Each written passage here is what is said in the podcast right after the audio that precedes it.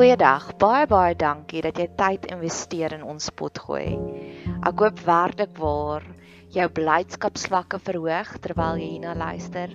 Ek bid vir jou dat jy 'n straaltjie van hoop kan kry en ek bid dat dit 'n veilige hawe sal wees. 'n Sanctuary terwyl jy tyd spandeer hier op ons potgooi kanaal. Ons het 'n baie aktiewe sosiale media platform. Jy is welkom om ons te gaan opsoek op Facebook of Instagram en ons is op YouTube ook. Jy is welkom om kontak te maak deur enigiets van daai kanale.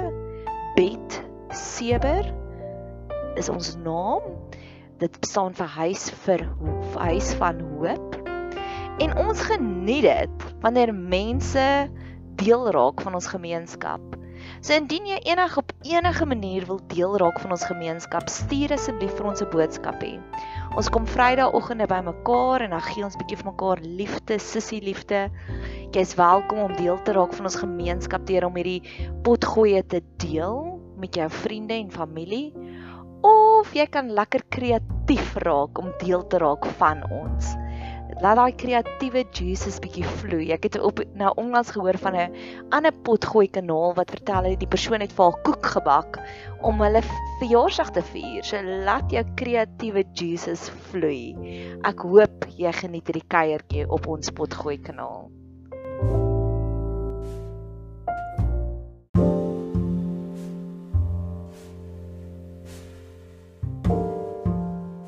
Hierdie is 'n retoriese vraag. Vir wie gaan jy jou koi visse wys? Vir wie gaan jy jou koi visse wys? So hierdie storie is een van daardie stories wat my gevang het terwyl ek in die stort gestaan het van boem boem dis alles connected. Rob Bell sê altyd die bos brand altyd. God, God het vir Moses gewys wie God is voor die brandende bos. En daar het God hierdie intense begeerte uitgewys na na Moses om vir Moses te sê ek wil met jou praat. En wat Rob Bell altyd sê is die bos brand altyd. God wil altyd met ons kommunikeer En ver oggend in die stort toe besef ek o, die bos brand die heeltyd. Boem boem boem. Hierdie stories is alles connected. En weer eens het dit vir my gewys dat dit waaraan ons dink, manifesteer in ons lewe. Ek is mal oor die liedjie Belinda Carlisle. Dis amper the story. Dis amper een van my nasionale anthems. En ek gaan vir jou net die eerste versie lees. Glo my, jy wil nie ek moet dit vir jou sing nie. All of these lines across my face tell you a story of who I am. So many stories of where I've been and how I got to where I am. But these stories don't mean anything when you've got no one to tell them to. But these stories don't mean anything when you've got no one to tell them to. Dis my anthem. Dis my anthem omdat ek die hele tyd sê, Here, een van my van my mottos in die lewe is check yourself before you wreck yourself. Ek is besig om deur te werk deur 'n trauma en keer op keer vind ek myself dat ek is baie bitter, ek is baie egosentries en dan gee ek dit net so terug vir die Here en dan sê ek Here, ek wil nie hierdie mens wees nie. Ek wil hierdie tipe van mens wees waar dit lekker is vir mense om rondom my te wees. Ek glo werklik word dit eensaamheid wanneer jy op daai punt kom en jy vind maar niemand wil meer en prys die Here ek was nie op daai punt nie. Niemand wil meer saam met jou tyd spandeer nie. Is dit rooi ligte? Is dit oranje ligte? Is dit is dit waarskuwings om te sê check yourself before you wreck yourself. Want dit is Belinda Carlisle se storie wat sy sê al die stories beteken niks as jy niemand het met wie jy hierdie storie kan deel nie. Al die dinge, al die oomblikke, al die hoogtepunte beteken niks as daar niemand is wat belangstel in jouself nie, in jou stories nie. Vir wie gaan wys jy jou koi visse?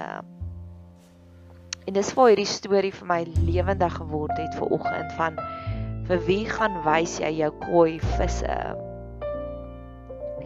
En die prikkelpunt, haha, dis 'n mooi Afrikaanse woord vir die trigger. Die prikkelpunt was op ons familiegroepie. is daar een spesifieke familielid wat ek nou al gedink het dalk moet ek in die groepie verander na haar naam toe. ek weet dit klink lelik en bitter en ek weet, ek weet ek werk daaraan. Maar dis daardie tipe van mense wat 'n plakkie by Pep gaan koop vir R2.50 en dan sê kyk hierdie mooi plakkie.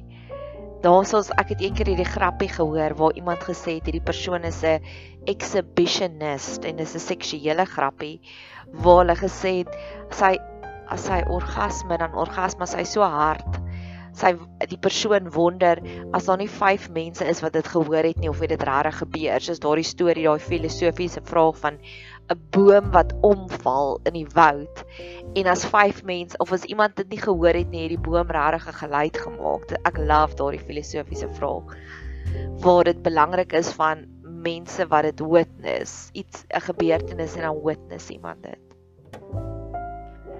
So hierdie persoon het koi visse gekoop, klein baba koi vissies en sy het 'n foto gepost op ons groepie om te sê kyk ons familie groei. Wat cute is.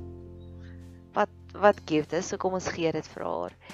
En in daardie oomblik het ek gedink, maar ek het 'n koi vis storie ook wat so ryk is en so diep is vir wie gaan wys jy jou koi visse?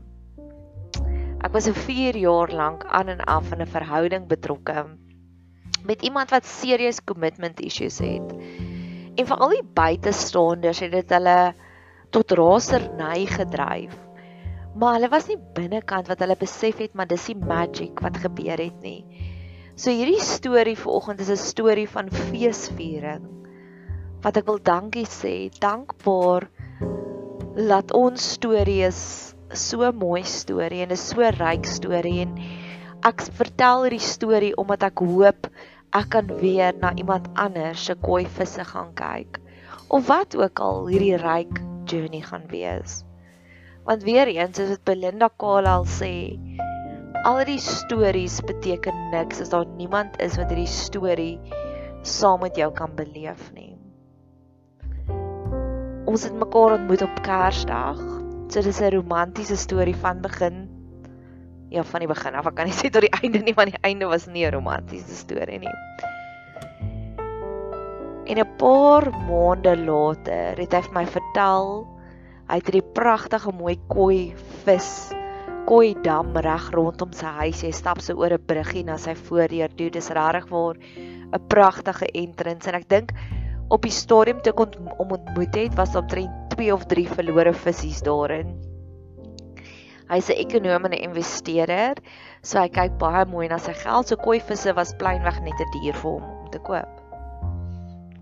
En hy het hierdie hierdie artikel raak gelees, hierdie hierdie WhatsApp raak gelees van iemand in ons omgewing wat dringend moes trek en hulle het hierdie groot koi dam en hulle het gesê enige iemand wat wil in ons omgewing, jy kan die koi visse kom haal uit ons dam uit en ons gee dit sommer verniet weg.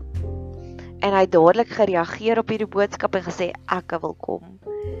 En dit was in daardie beginstadiums van jy ken nog hierdie persoon nie. So hierdie was my heel eerste lewendige kykie in sy siel in. En ek kan onthou op daardie stadium het ek dit was op my dae wat ek nog gewerk het as 'n mondhygiënis en hy die eerste dag uitgery en gaan kyk en besef maar hy gaan hulle nie net kan vang met 'n vangnet nie en hy het vir die mense gesê tap asseblief die water uit.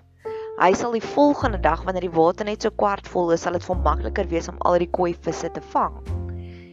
Die volgende dag het hy en sy tuinwerker gegaan met sy met 'n ventersleepwaandjie agteraan gehak met bakke water, kratte water en hulle het gaan koi visse vang. Wie vang koi visse? Dit was 'n Dinsdagoggend, ek het by die werk gesit en ek het hom gesê stuur foto's soos altyd my lewe. En hy het video's gestuur hoe hy sy sy scuba gear aangetrek en ingeduik saam met hierdie visse en hulle gevang en so het hy dit vir die tuinwerker aangegee. Die tuinwerker het dit in die in die plastiek wasteback kratte gegooi en so het hy 'n hele paar trips gemaak terug na sy huis toe. Daardie oomblik het vir my ure se vermaak gebied. Ek kan nog onthou ek het middagete geëet by my praktyk en ek het hierdie boring tuna slaai geëet terwyl ek hierdie vermaaklik uitkyk van dis die tipe persoon wat nou in my lewe is wat op 'n Dinsdagoggend gaan koi visse uitsnorkel, uitskuba. en 'n paar dae later het hy vir my gewys, kyk hier is die visse. En dit pragtig gelyk. En die visse het vinnig aangeteel. Ek kan nie sy fancy naam onthou daarvoor nie. En elke keer wanneer ek daar aangekom het, het ons eers vir 15 minute gestaan en dit het ons tra tradisie geword. Dit het ons ritueel geword. 15 minute te staan by hierdie kooivisdam en dan wys hy vir my kyk daar's die nuwe een. Kyk hier's ons die groot een. Dis my gunsteling. Kyk daai een se mooi kleure. En so het ek hom geleer ken en eventually het hy vir my vertel hy laat sy huishulp vir hulle bolle pap maak want dit is die goedkoopste om hulle mee te voer. En ek het video's daarvan geneem en later dan sal hy vir my wag en laat ek die bolle pap vir hom gee vir die visse gee. So dit was ons ritueel, dit was ons tradisie. Dieper in ons verhouding in sou op 'n stadium weggegaan het met vakansie en ek het kon nie saam gaan nie en dan sal hy my desperaat bel en vir my sê die krag is af sal jy asseblief gaan kyk na my visse? En hy sou terugkom van vakansie af met my groot baie fancy geskenk gee om dankie te sê laat ek keer op keer ingery het en gaan kyk het of is die visse okay die visse was ons ding. En so in daardie stadium eendag het hy my baie hartseer gebel. Ek kon hoor hy huil en hy sê vir my al my visse is net dood. En dit was regtig waar hierdie groot tragediese ding want op daardie oomblik het ons die visse lewendig gehou deur soveel kragonderbrekings en alles het gewerk. So dit was die weirdste ding die feit dat daai visse dood is op 'n stadium.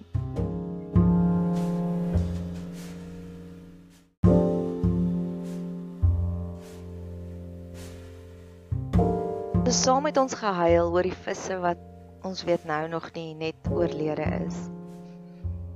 En 'n paar weke later, want hy het so sagte hartjie, so weer eens, dis die persoon in my lewe wat vir my foto's gestuur het van scuba koi visse uit. Dis die persoon wat my gevra het, "Help my asseblief," 'n persoon wat baie onafhanklik was, is en gevra het, "Help my asseblief." en baie mooi dankie gesê het met iets waarvoor ek vir ewig dankbaar sal wees. Dis die persoon wat huil die oomblik toe hy sien hulle almal lê belly up. En dis die persoon wat my heel eerste gebel het om sy hartseer meer te deel. Paar weke later sien hy maar daar's nog so 4 of 5 verlore visse, maar hulle lyk like baie sad want hulle swem so vinnig, hulle is paniekbevange want hulle was gewoond daaraan aan al hierdie ander visse wat daar is. En so heel onwet onwettig besluit hy om hierdie visse te gaan weggooi in ons groot rode plaat dam. Ek moet seker nou nie die dam se naam gee nie want blykbaar is dit onwettig. Weereens is dit die persoon wat my bel en sê ek gaan nou die koi visse release wil jy wil jy saamkom ek wil dit nie alleen doen nie. Natuurlik was my antwoord natuurlik wil ek dit saamkom. En ek kon sien dit was nog steeds 'n emosionele saak vir hom want dis die tipe mens wat hy is. Sy woorde aan my was dis die probleem met troeteldiere, honde en goed want jy raak te lief vir die goed en dan is dit so hartseer as hulle weg is. Dis die tipe persoon wat hy was. Wat hy seker nog steeds is. En dis die tipe persoon met wie ek 4 jaar lank sy koi visse raak gesien het. En op daai stadium toe, toe ons gestap het, ons dis 'n entjie na die dam toe.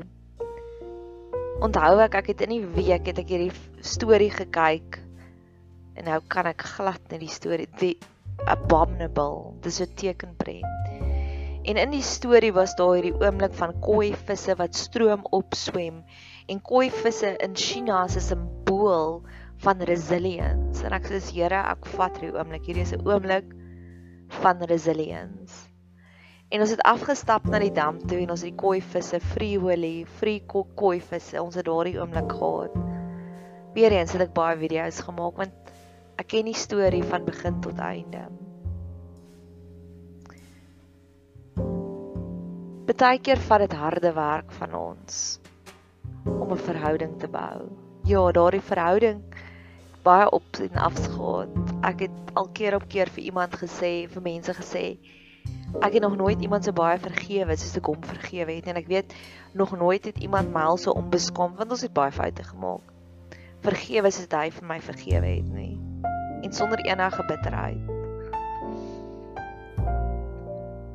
En ek het die kooivis storie gehad van begin tot einde dit het 'n foto gevat op ons familiegroepie wat my laat dink het dat ja, daar is hartseer want ek verlang baie na hom. En dan baie kere dink 'n mens, "Ag, ah, ek gaan nooit my hart oopmaak nie." Of baie kere is dit makliker om op hierdie bitter stadium te bly, op hierdie bitter stasie. Maar ek wil weer my hart oopmaak om iemand se koi vis journey van die begin tot die einde. En ek weet die volgende persoon gaan nie waarskynlik koi vis hê nie. Dit gaan iets anders wees. Maar dit is wat die lewe, goeie lewe maak, is daardie reise wat jy het van begin tot einde saam met iemand. Daardie heel eerste oproep wat hulle maak om te sê dis wat gebeur het in my lewe mag ons lewe ingekleer wees met sulke oomblikke en al vat dit harde werk. Harde werk om 'n verhouding te laat werk, harde werk om te vergewe en harde werk om aan onsself te werk sodat ons die tipe persoon is met wie mense tyd wil spandeer. So vir wie wys jy jou koi visse? En as daar iemand is wat ek wat soos ek nou gepraat het en jy voel hulle is daardie persoon wat jy graag wil hê wat jy eers die jou koi visse gaan wys. Maak jy moeite en sê vir hulle dankie. Jy is die een. En as jy leemte het na hierdie pot gooi, bid ek vir jou. Ek bid dat die Here vir jou daardie persoon sal stuur.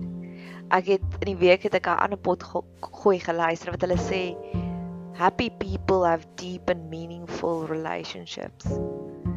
En baie keer vat dit ook harde werk net om daardie happy persoon te wees wat ander mense nader aan jou trek. maar ek weet selfs met hierdie trauma en hierdie hartseer waar direkteur werk, sal God weer vir my nog meer spakels en glitters gee. Sê so vir wie wys jy jou koi visse?